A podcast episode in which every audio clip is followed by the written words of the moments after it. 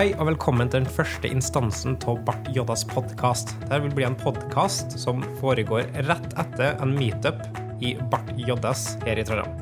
Bart Joddas er en meetup som handler om fullstack javascript, altså alt som har med javascript å gjøre, enten det er på servicesida eller klientsida.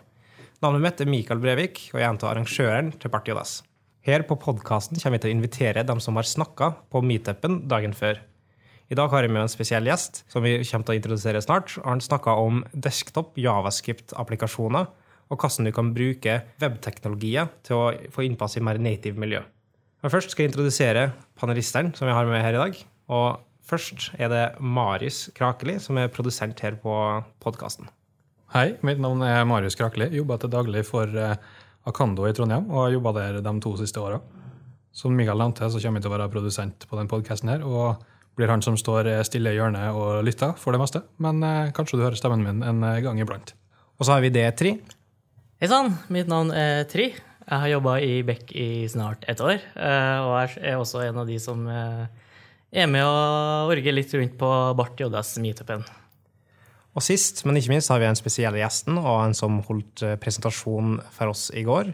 Det er Jonas Follesø. Hei, eh, navnet mitt er Jonas Follesø. Jeg er chief scientist i Beck. Har jobba fem år i Beck og snart eh, tolv år i konsulentbransjen her i Trondheim. Så Siden dette er da første gangen, så føler jeg at vi må bli litt bedre kjent med hverandre. Så jeg har skrevet opp fire spørsmål som jeg håper alle kan svare på. Hva slags gjenstand har du brukt litt uforskamma mye penger på, som, som du er ikke helt lyst til å si, men du blir tvunget til å si her nå? Tre. Jeg har en god del kamerautstyr som eh, jeg har brukt veldig mye penger på. Og da går det i objekt, eh, objektiver og i batteripakker og i eh, alt mulig rart rundt det med blits og diverse ting. Så det, det har gått veldig mye penger i det.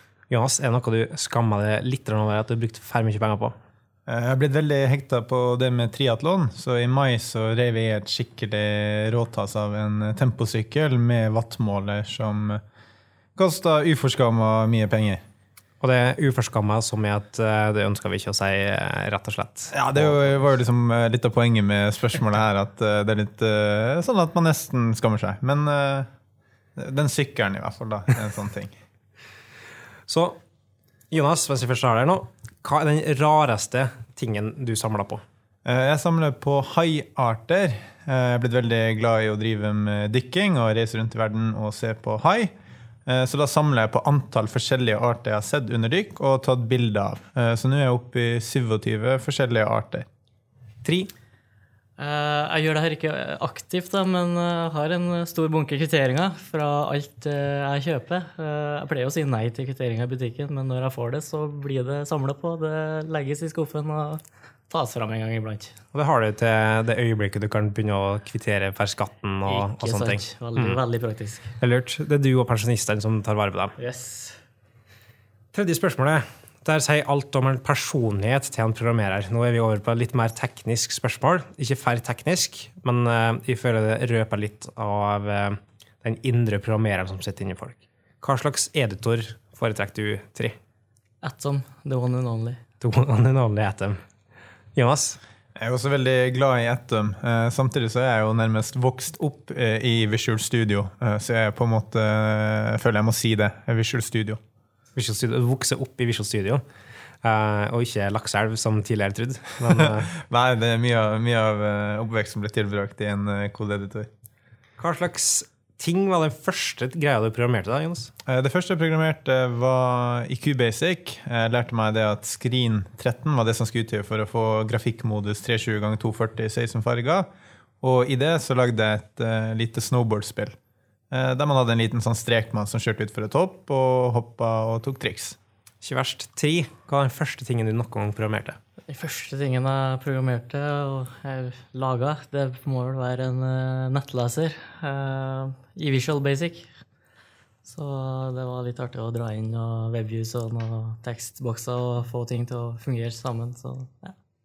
Du lagde en, en nettleser på egen hånd? Sånn eh, med rendring og hele pakka, eller var det et webview som du dro inn i Visual Basicen? Jeg sto ikke for rendringa, det var nok bare en, et webview. Sånn mye av det Vivaldi er nå til dags, da, egentlig. Riktig.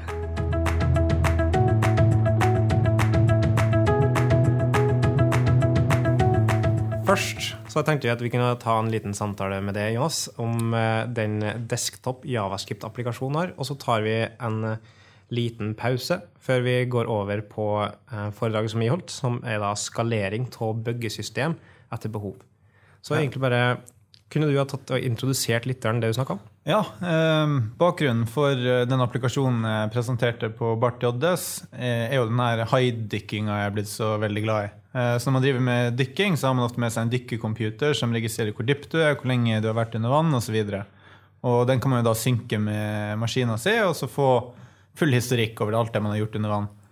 Eh, en av svakhetene med den computeren er at hvis du driver med fridykking, eh, så registrerer den det fortsatt som flaskedykking, og da får jeg bare surr i statistikken. Eh, og jeg er litt sånn der opptatt av at det skal være riktig, så det irriterte meg veldig. Og som en utvikler så begynner man da med en gang å finne ut av hvordan kan man fikse det her sjøl. Og da fant jeg jo da den databasen der det her lå lagra. Den gode, gamle scratch your own itch løsning her. Så ja. det, det som er fordelen med å ha programmering som uh, under beltet, at har du et problem, så kan det som regel løses med programmering. rett og slett. Ja, I hvert fall hvis det er et digitalt problem. Altså, det er jo litt verre hvis du liksom skal ha lagt uh, ny platting. men, uh, men, ja, jeg hadde lyst til å liksom fikse opp i det. Jeg fant databasen og fant ut at det var en SQLite-database. Og innså da at ok, da kan jeg lage en eller annen applikasjon for å redigere den dataen, sånn at jeg kan bytte typen dykk fra flaskedykk til fridykking. For den applikasjonen jeg synkroniserer med, har støtte for det, men dykkercomputeren min er litt for gammel til å få det riktig. Eh, så da hadde jeg jo egentlig tre alternativer. Enten lage det som en eh, tradisjonell webapplikasjon, eh, eller som en native desktop-applikasjon. Eller så tenkte jeg at jeg skulle undersøke hva status var på det å lage hybrid desktop-apps. For jeg var liksom ikke så sugen på å lære meg Cocoa og liksom full pakke Mac native. Jeg hadde bare lyst til å løse problemet. Samtidig så det å lage det som en webapp ville jo ikke fungert så bra, eh, fordi den trenger å aksessere en database som ligger lokalt på PC-en. Eh, og da ville det vært veldig upraktisk om andre skulle bruke det her og måtte liksom laste opp databasen for å kunne gjøre noen enkle endringer inn. Eh, så da begynte jeg å undersøke muligheter for å lage native apps, eller hybrid-apps, på desktop. Og kom da over både Elektron og NVJS, og valgte å begynne å implementere i det. Mm. Altså, du starta rett på Electron, eller starta du på, på, Nei, jeg begynte med NVJS. Eh, NVJS var jo på en måte først ut. Uh, først kjent som Node WebKit, og var kombinasjonen av WebKit-nettleseren sammen med Node. Uh, men jeg har senere skrevet om applikasjonen til å bruke Electron. Electron er et rammeverk som GitHub gir ut, som egentlig er basert på Atom-editoren, som eh, ble nevnt innledningsvis. Eh, den er implementert eh, som en webapplikasjon, eller et webview som kjører i Chromium, med NodeJS som på en måte backend. Og Da så GitHub at selve denne hosting-mekanismen og det rammeverket rundt det native-skjellet det er såpass generisk og nyttig at de valgte å trekke det ut i et open source-rammeverk som da heter Electron. Som i praksis er Chromium-nettleseren sammen med Node.js bundla i en uh, native applikasjon. Uh, sånn at du da kan skrive frontend-kode for GUE-et ditt, samtidig som du har full tilgang til alt av Node.js-moduler, og du er heller ikke begrensa av samme sandboxing som i en vanlig nettleser, sånn at du kan bruke f.eks. Filsystemmodulen fra Node og liste ut filer som ligger på hjemmeområdet ditt, eller å som i mitt tilfelle, da, finne databasen til dykkeapplikasjonen og åpne den med en SQLite-modul. Mm. Er det slik at du da skriver grensesnittet på akkurat samme måte som du ville gjort på den helt vanlige nettleser? Så ja. I stor, I stor, grad så er det det. Eh, du implementerer det som en single page-applikasjon. Eh, men istedenfor å f.eks. kommunisere med en backend-server via REST-kall, Eh, så kan du istedenfor kalle eh, Javascript-moduler direkte, som igjen kan bruke f.eks. Esculite eh, for å gjøre seleksjoner fra databasen eller oppdatere et enkelt dykk, som jeg gjorde i mitt tilfelle. Mens selve frontend-koden i, mitt tilfelle er implementert ved hjelp av React og Omniscient-biblioteket ditt, blant annet. Men du, kan, du, kan, programmere det på akkurat samme måte. Føler du at det er en spesiell eh, endring i UX-en? Er det sånn at du bygger det opp på en mer desktop-aktig måte, eller, angriper du det som du ville gjort med en vanlig nettside? Uh, Det kommer jo kanskje litt eh, an på. Eh, på mobilapplikasjoner så var det jo en stund at man, det var veldig vanlig å bruke Javascript og HTML-biblioteker som etterligna native-plattformen, fordi det var en del forventninger om hvordan en liste eller en knapp skal se ut på IOS. Eh, det mange erfarte, var at de her etterligningene var ikke like nok native-komponentene, så brukeropplevelsen ble ikke god nok. På desktop så er det kanskje ikke de samme forventningene til at alle desktop-apper skal se like ut. Eh, så der kan du velge å implementere selve GUI med vanlig HTML, eh, CSS, og designer egentlig akkurat sånn som du vil. Eh, samtidig så har du jo tilgang til å integrere med den native plattformen du kjører på. Så du kan legge til f.eks. applikasjonsmeny i toppen. Du kan legge til en sånn dock-meny, at hvis du høyreklikker på ikonet i dock-baren på Mac, så kan du ha dine egne menyelementer. Du kan integrere med fildialoger og meldingsdialoger på, på, systemet. Så du har mulighet til å integrere applikasjonen ganske tett i, eh, i skjellet, hvis du vil det. Mm. Man må ofte ta på en måte utgangspunkt i at uh, du, hva slags operativsystem du kjører på. da. Er det ofte du må ta, ta litt sånn, er det feature feature detection, eller er det OAS plattform detection? Ja, Elektron har veldig god dokumentasjon på API-ene sine på hva som er tilgjengelig på de forskjellige plattformene. Det er jo en del forskjeller. sånn som På Windows så har du mulighet til å uh, ha f.eks. jump list. at Hvis du høyreklikker på et ikon nede i taskbaren på Windows, så kan du ha en del hurtig valg der. Uh, tilsvarende funksjonalitet finnes ikke på Mac. Men det er veldig lett å detektere hvilken plattform du kjører på, i og med at du egentlig har full tilgang til Node. Eh, så kan det hente ut attributter om den kjørende prosessen, og hente ut f.eks. operativsystem, eh, prosessorarkitektur osv. Så, videre. så det er veldig lett å detektere hvilken plattform du er på, og så gjøre de lokale tilpasningene. Eh, og det er også forholdsvis kurant å innkapsle det i forskjellige Node-moduler, sånn at du kan holde kode spesifikk for en native-plattform separert fra resten av applikasjonen din. Det er to ting jeg på en måte begynner å bli nysgjerrig på da, i forhold til hvordan du, du bygger opp applikasjoner med Electron og sånne ting. Det første er liksom debugging. Du har sikkert en hook inn mot terminalen din, sånn at du kan skrive ut meldinger. Men har du òg muligheten f.eks. sånn som Node Inspector, som der du kan hooke inn og få opp eh, Chrome sin web inspector inn i applika applikasjonen din? Har du tilsvarende muligheter med Electron? Ja, det har du. Eh, når du kjører en Electron-applikasjon, så har du i praksis eh, to prosesstyper. Du har en main-prosess, eh, som er entry pointet til applikasjonen din, som starter opp appen. Den kan instansiere nye webviews som holder HTML og frontend-koden din. De kjører i egne prosesser som du kan kommunisere med. I de her webviewene så har du mulighet eh, å åpne egentlig Chrome Developer Tools eh, og få full liksom, inspection av domen, se på nettverkstrafikk og se output fra konsollogg. Eh, mens konsollogging fra main-prosessen kommer da ut i STD out som ellers. Og Der finnes også debug-tools som gjør at du kan debugge main-prosessen på lik linje som å debugge en hvilken som helst annen Node-applikasjon. Eh, så du har egentlig god støtte for eh, også det. Ja, det er kult. Og det bringer vel egentlig ganske naturlig inn på det neste spørsmål. Sånn, for at du har server-side-kode, eller sånn kode som opererer inn mot underliggende systemet du jobber på. Og så har du liksom UI-koden, som da sannsynligvis kjører mer i Chromium. Er det noe, kan du bruke dem helt interoperable, eller er det en slags skille, en slags semi-usynlig vegg mellom de to? Ja, de her to prosesstypene har forskjellige moduler de kan laste. I utgangspunktet kan du laste stort sett alt av Node-moduler i begge prosesstypene. Men Elektron tilbyr også en del eh, moduler for å kontrollere f.eks. Eh, integrasjon mot skjellet til OS, legge til eh, doc-menus osv. Det kan du kun gjøre ifra main-prosessen. Du kan også kommunisere mellom render-prosessen og main-prosessen, enten ved hjelp av en IPC, altså Interprocess Communication-modul, eller via noe de kaller for remote objects. Eh, så hvis du f.eks. har behov for å oppdatere eh, badgen på dock-ikonet ditt altså På Mac så kan du ha for en sånn liten rød eh, runding som indikerer at det nå er ny data i Mac-applikasjonen din, eller at du har to uleste meldinger i innboksen i mail-applikasjonen. Hvis du har behov for å gjøre det fra frontend-koden, så kan du bruke remote require til å få tak i app-objektet, og så kalle uh, set dock badge eller noe i den duren. Jeg husker ikke nøyaktig funksjonsnavnet, men i hvert fall for å sette f.eks. at du har tre uleste meldinger. Og så kom jeg til å tenke på litt med det med Jeg vet for så vidt på Electron-bundla ting, så har det oppimot sånn i mellomsjiktet av 200-300 megabyte når det bundler, for du må ha med hele Chromium. Og du må ha med Node. Så, så, så, sånne ting som Lua, som ofte det krever at du har noe å kjøre, en sånn runner i tillegg.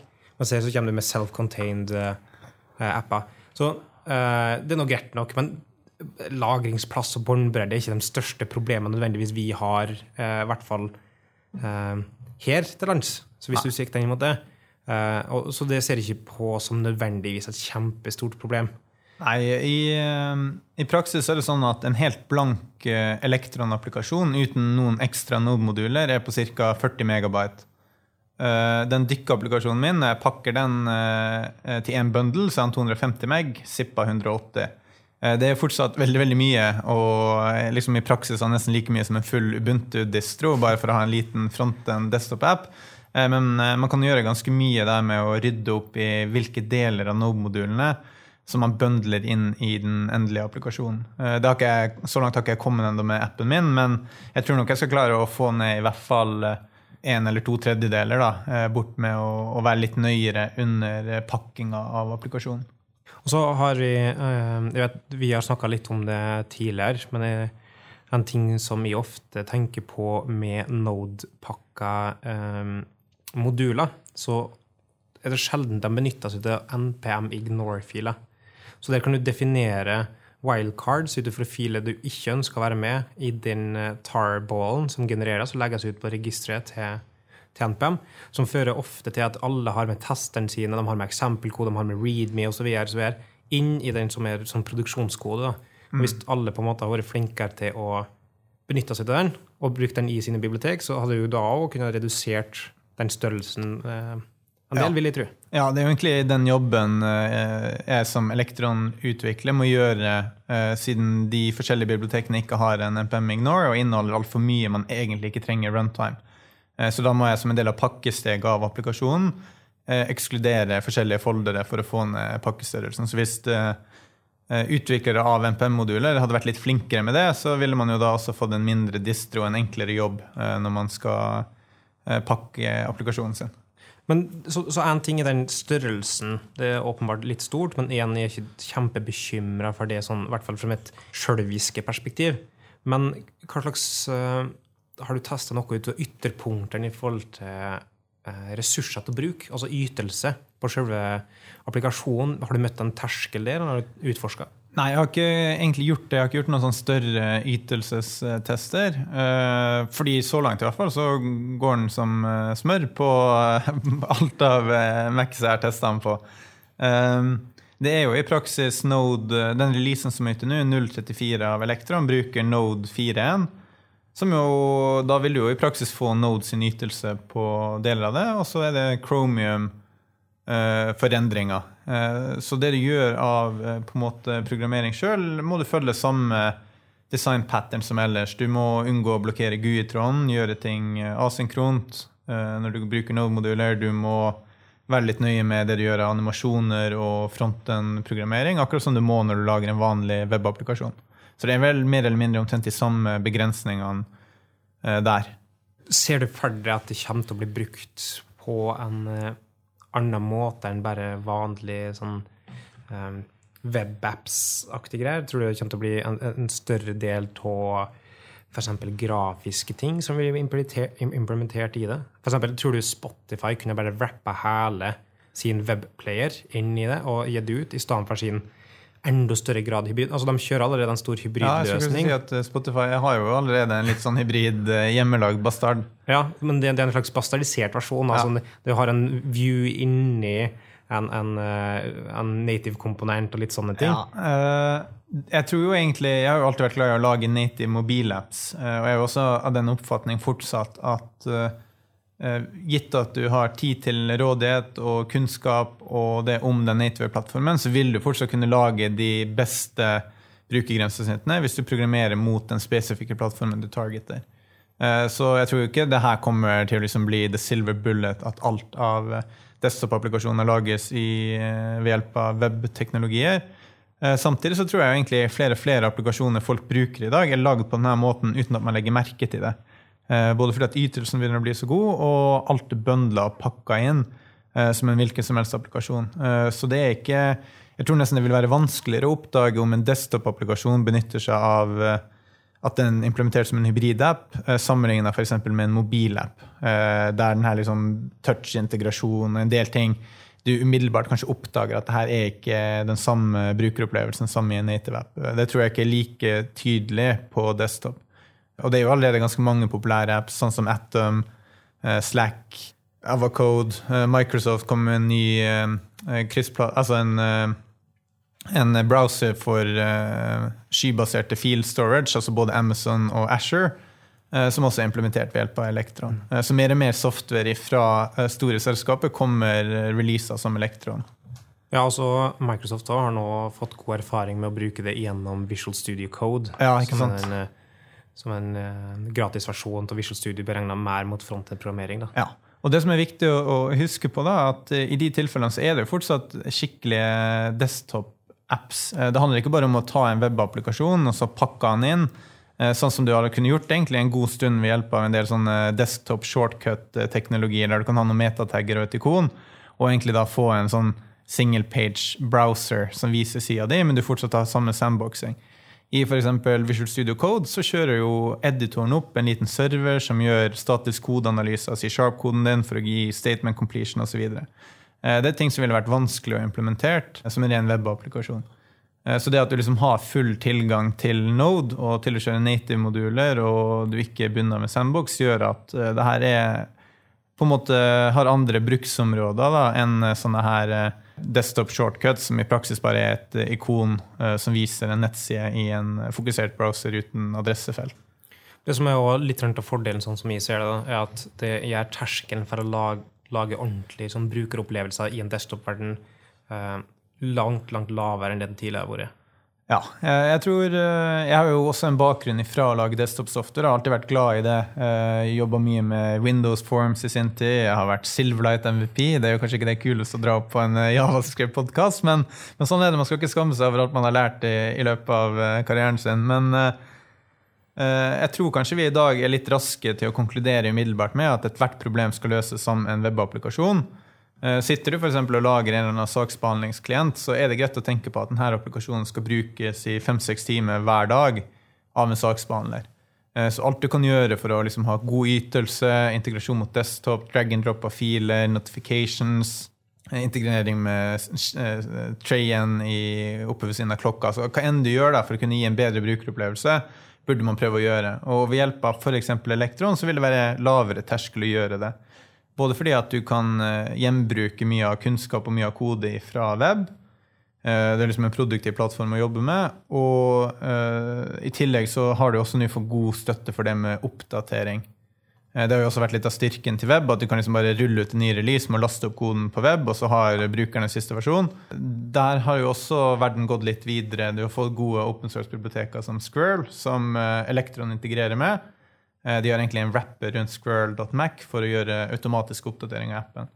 Eh, det gjør jo også at Hvis man velger å bruke det her f.eks. For, for en saksbehandlingsklient, så vil det være forholdsvis trivielt å kunne rulle ut nye versjoner eh, der appen oppdaterer seg sjøl. Er det noe siste du ønsker å si om Electron, som du føler folk må vite? Ja, det vil si, det vil kanskje oppfordre folk til å teste det ut. Det er utrolig enkelt. Installer en NPM-modul som drar ned siste versjon av Elektron. Eh, opprett en packages-fil, en main-fil og en HTML-fil, så er du på en måte i gang. Eh, så terskelen er veldig lav for å eksperimentere med det. Så det er vel kanskje oppfordringa jeg vil gi helt eh, avslutningsvis.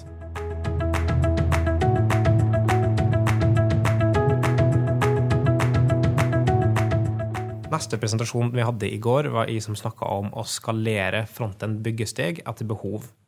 Eh, og for at de da best skal kunne svare på spørsmål, så overlater jeg litt til ordet til Tri. Ja, eh, da starter jeg, går jeg egentlig bare rett på, jeg. Og så vil jeg høre på hva var det du snakka om? Kan du fortelle litt kort om hva, du, hva det var du snakka om i går? Vi snakka om, enkelt oppsummert, å prøve å tenke på byggesteget som en større artifakt og koden din, og at du tenker at byggesystemet er òg software som du utvikler. Og du må da tenke på det som du tenker på softwareutvikling. Du må gi den samme kjærligheten som du tenker på softwareutvikling. Og det går egentlig også ut på at du må eh, tenke strategisk når du utvikler det. Du har ikke behov for å starte med full ut av byggesystem som gjør all slags mulig ikonminifisering og statistikk og style eh, stats, eller eh, Istanbul til sånn code coverage osv. Du trenger ikke alle features på en gang, men du starter med det enkleste vi har. Uh, ja, da kan vi egentlig hoppe dit. da. Hva er egentlig galt med en eh, god gammeldags script-tag?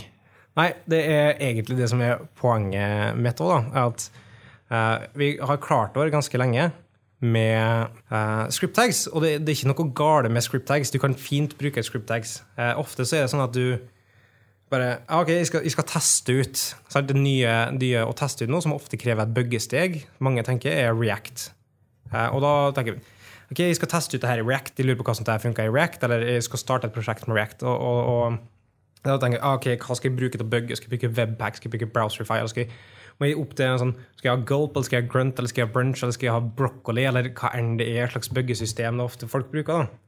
Men i realiteten så er det bare å dra inn en dist-fil fra eh, en CDN, og så er du good to go. Kan du skrive koden direkte i nettleseren din om du vil det, eller sånn enkel, kort feedback-loop, bare endre ei fil, og så inkluderer den fila eh, og, og ser resultatet med en gang. Så det er utrolig kort vei til å starte, og du får eh, instant, uh, instant, feedback på ting du lager. Da. Du nevner verktøy som Browser5 og Webpack. og sånt. Kan du si kort om hva det er?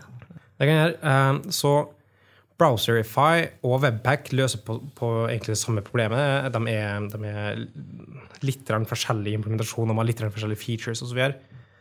Men uh, i bunn og grunn så er det en modulpakker for Javascript. Og med det mener jeg at de tar og tillate det å spre koden din ut i forskjellige filer. Og så kan du pakke dem inn til én fil som du kan da eh, distribuere ut. Men um, og det er fordi at folk hopper rett på det, og det er gode, det er gode eh, implementasjoner, eller det er gode produkt eller verktøy å ha. Men det er ikke sånn at alle sidene du lager, eller alt du uh, starter med, trenger å hoppe på det steget med en gang. Sånn? Kanskje du klarer å leve litt med med den eh, kun å bruke distfiller, kun å bruke en script tag i HTML-side en stund. Og så ser du plutselig da an behovet. Så ser du at nå har kodebasen min vokst såpass mye. Og sånn er det realiteten på store prosjekt og realistiske prosjekt, er at vi har mye kode i frontend. Og vi har ofte på mange, på mange prosjekt så har vi mer kode i frontend enn vi har på backend. Så det er helt naturlig at vi må tenke arkitektur og vi må tenke struktur i frontend på lik linje som vi er i, i backend. Og da kan vi begynne å tenke på å introdusere um, Browserify eller Webpack for å splitte ut koder i forskjellige biter. Og så tenke på, på arkitekturiske mønster. Da. Du snakka også om det å angripe byggesystemer som å angripe et software-prosjekt generelt. Hva legger du i, i akkurat det? Nei, det er det å um, rett og slett utsette de irreverserbare valgene. Og det, det, er sikkert ikke et norsk ord, men det er heller ikke native, eller nativt, som jeg av og til liker å si. Men det er å utsette valg som du ikke kan angre på. Hvis de plutselig hopper på og, og gjør noe som, som, forutsetter mye kode, tar en antakelse i et tidspunkt som vi vet faktisk minst om det produktet eller det prosjektet som vi holder på å lage, Eh, og det er en helt feil tidspunkt å ta avgjørelser på. Og det er en sånn regel vi lever, på, lever etter når vi lager softwareutvikling. Sånn vi er klar over at vi må kunne abstrahere vekk valg. Vi må kunne eh, bygge og skalere og extende eh, etter tid. Og, og, det er på en måte forutinntatt. Alle, vi er klar over det i en, eh, en softwareutviklingsperiode. Men plutselig, når det er sånn at vi lager infrastrukturen til vårt eget prosjekt, så skal vi glemme de der arkitekturiske prinsippene eller de eh, eh Kall det, det kodekvalitetsgrepene som vi tar. da. Eh, og, det jeg tenker på spesielt, er å kunne utsette valg til du vet mer. Du må kunne utvide eh, og skalere opp systemet ditt. Og så burde du ha et API som du kan ha versjonsendring på. Altså det å tenke på at byggesystemet, alt, alt av kode du kjører, har et API. Eh, og de har metoder, eller entry points, og dem må du kunne tenke på som en god måte å, å programmere opp mot. Selv om det er sluttbrukere som kaller en kommando, det er et API. Det er et overflatelag. Og du må kunne tenke på API-et Eh, på lik linje som du tenker på API når du lager hva som helst eh, softwareutvikling. Jeg har prøvd å dele det inn i, i fire steg som jeg føler er sånn naturlig å følge for å skalere opp, eller um, se an behovet til byggesystemet ditt, og så skalere, eller trappe opp. Eh, og nå har vi da vært innom egentlig steg én og steg to, som henholdsvis er ingen bygging. Og så kan vi introdusere, um, som da er steg to, det er Browserify eller Webpack, det å introdusere et lite sånn, en enkel kommando som du kan kjøre. Det minimale steget du trenger, det er bare å introdusere en enkel kommando som bygger um, frontend-koden din. Og det er typisk med Browserify så har det vært at du kjører en kommando via terminalen din, og så, og så utfører en slags oppgave. Eh, Med kommando mener du da shell-skript eller makefiles? Ja, altså det kan være eh, en, en, enkleste jeg tenker på, er, eller det minste jeg tenker på. Det er ikke nødvendigvis skriptfile, men enkel F.eks. en CLI, da, altså Command Line Interface. Så det er en Si katt, ta en fil. Katt foo.txt. Det er en kommando jeg tenker på i stor grad. Ofte sånne kommandoer blir lange å skrive, og så må alle på teamet holde på å forholde til hvordan du skriver dem, hva er parameterrekkefølgen til Browserify osv. Og da kommer den API-biten inn. Og da pakker du implementasjonsdetaljen inn i en, en, et API. Og ofte, det som er enkelt å bruke da, for vi har allerede er, er i NPM-universet, og NPM er da den registeret til, til Node, der alle pakker ligger. Det er sånn som Jonas snakka om i, om i sitt foredrag. Og Der har du en manifestfil som heter package.jason, og der kan du legge skriptblokker inni. Og Det er bare egentlig navn på en snarvegg til kommandoer, sånn at du kan gjemme selve implementasjonsdetaljen din til kommandoen i, i, bak et navn. Og da, I stedet for å kjøre hele browser-kommandoen, så kan du kjøre f.eks. mpn run, et eller annet navn som det er på skriptet. Så ved å bruke npm-skript så pakker du de her kommandoene inn i packages JSON-filer, så du slipper å gå og huske på kommandoargumentene. Etter hvert så kan jo de bli ganske lange og vanskelig å ha oversikt over. Hva er neste steget etter NPM-skript? Ja, det, det er et poeng. Og på en måte sånn de, de, Sannsynligvis over tid, kanskje, så, så kommer det et punkt der den, den linja blir sånn uhorvelig lang, og det er vanskelig å vedlikeholde. Et eksempel var jo det jeg viste i Elektron-presentasjonen. Den pakkinga for eksempel, tok jo en syv-åtte argumenter og gikk over tre linjer, så den var liksom litt vrien å ha oversikt over.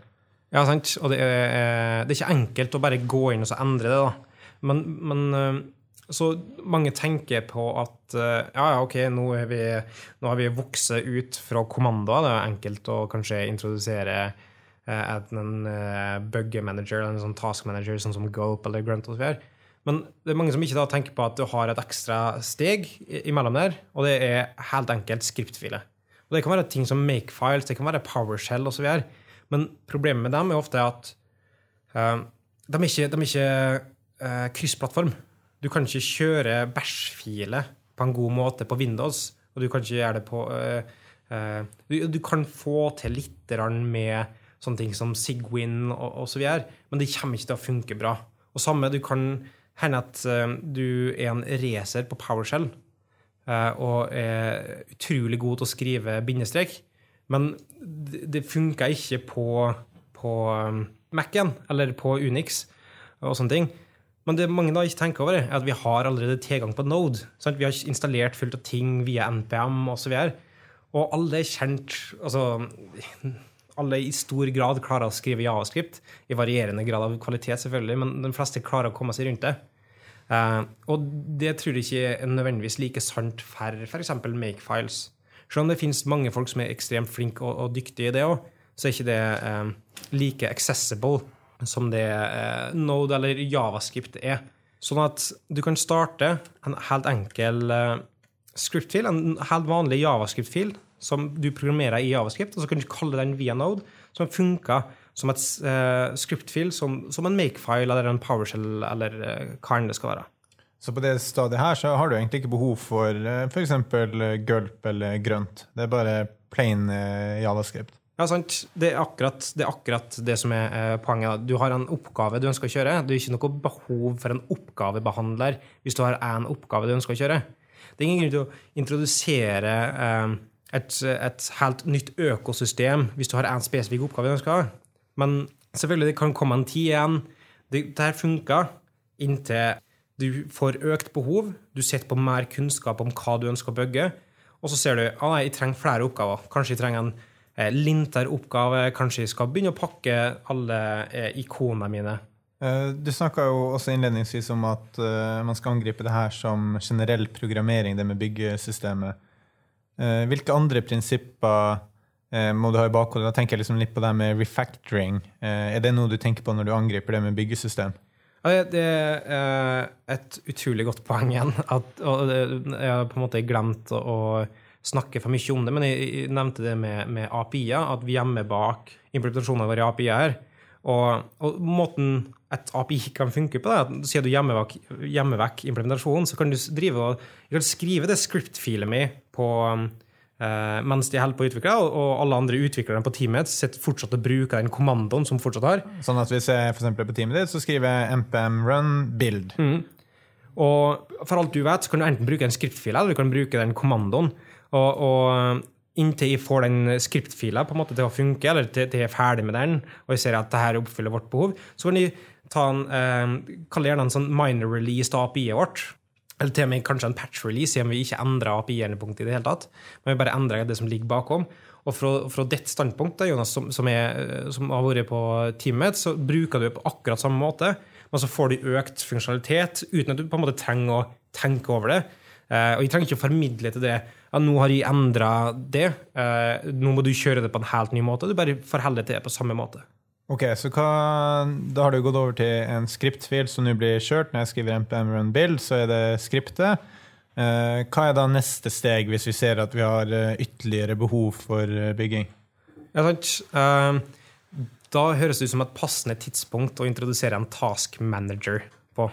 Og en task manager er nøyaktig det. Du behandler flere oppgaver.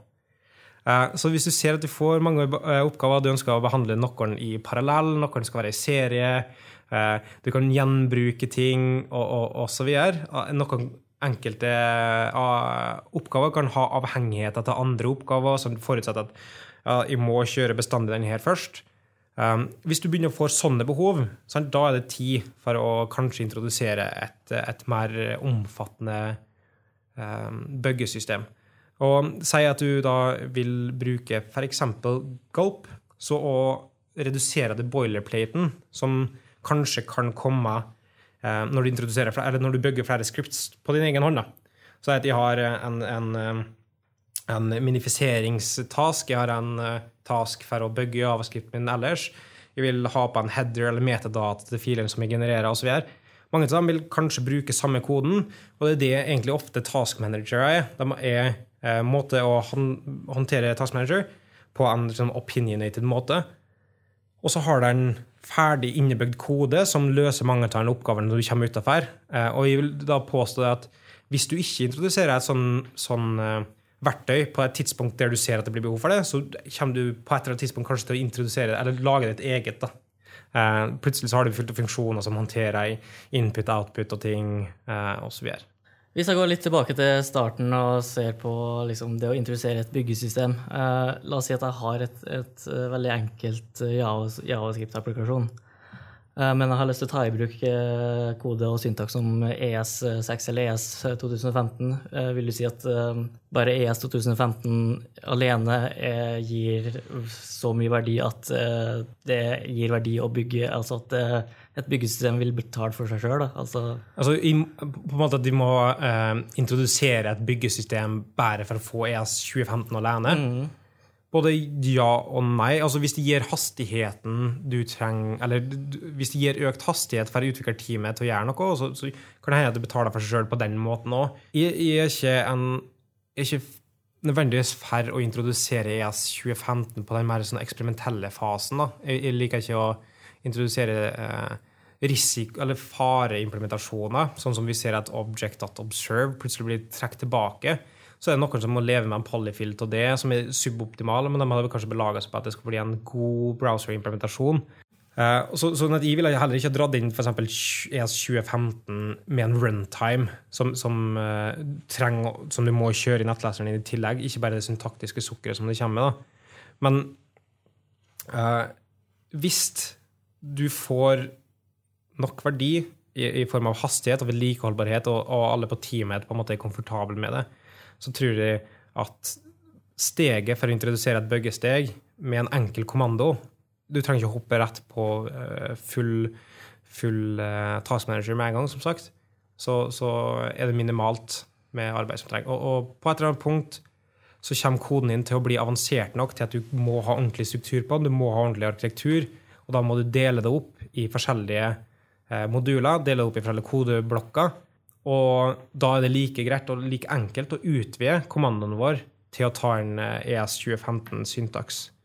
Så budskapet du egentlig prøver å komme med her, er at, må, at byggesystem er noe vi introduserer etter hvert som vi ser behovet for det. Um, og du kom jo med fire gode poeng her. Kan du ta en kort oppsummering på de stegene du presenterte i år? Ja, så steg én er bestandig, uh, føler jeg, at du trenger ingen byggesystem. Steg to er at du kan introdusere en, et byggesystem, men ikke et stort et med en gang. Bare en enkel kommando som du gjemmer bak i NPM Scripts, som du ja, og introduserer et API. Steg tre scripts. Så du trenger fortsatt ikke å hoppe rett til full implementasjon av ting, men du kan introdusere en enkel javascript-fil som kjører scriptet. Og så, steg fire, blir da å Hvis du ser økt eh, behov for strukturering av byggeskriptet, det, er det er en artifakt vi produserer, det òg. Vi må ta vare på den, så lik linje som som all annen kode, må vedlikeholdes. Og da kan vi strukturere den med, med byggesystem, eller ordentlig sånn task manager, sånn som Gulp og, og alle den eh, i serien der.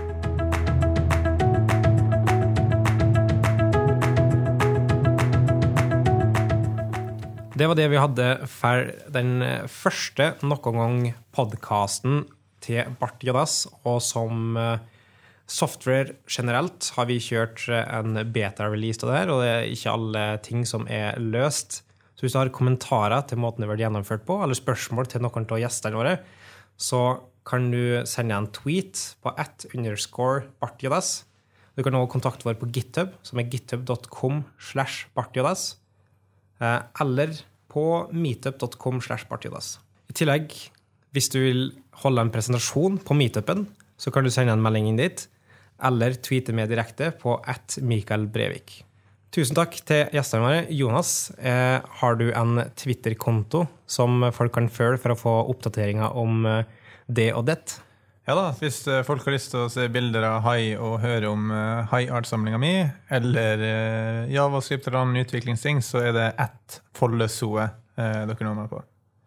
Tri, har du en Twitter-konto du òg, kanskje? Yes, meg får det tak i på ITMN i ett ord, skal du si, ITMN. Det er fire bokstaver. Takk for at du hørte på. Så høres vi igjen om en måneds tid.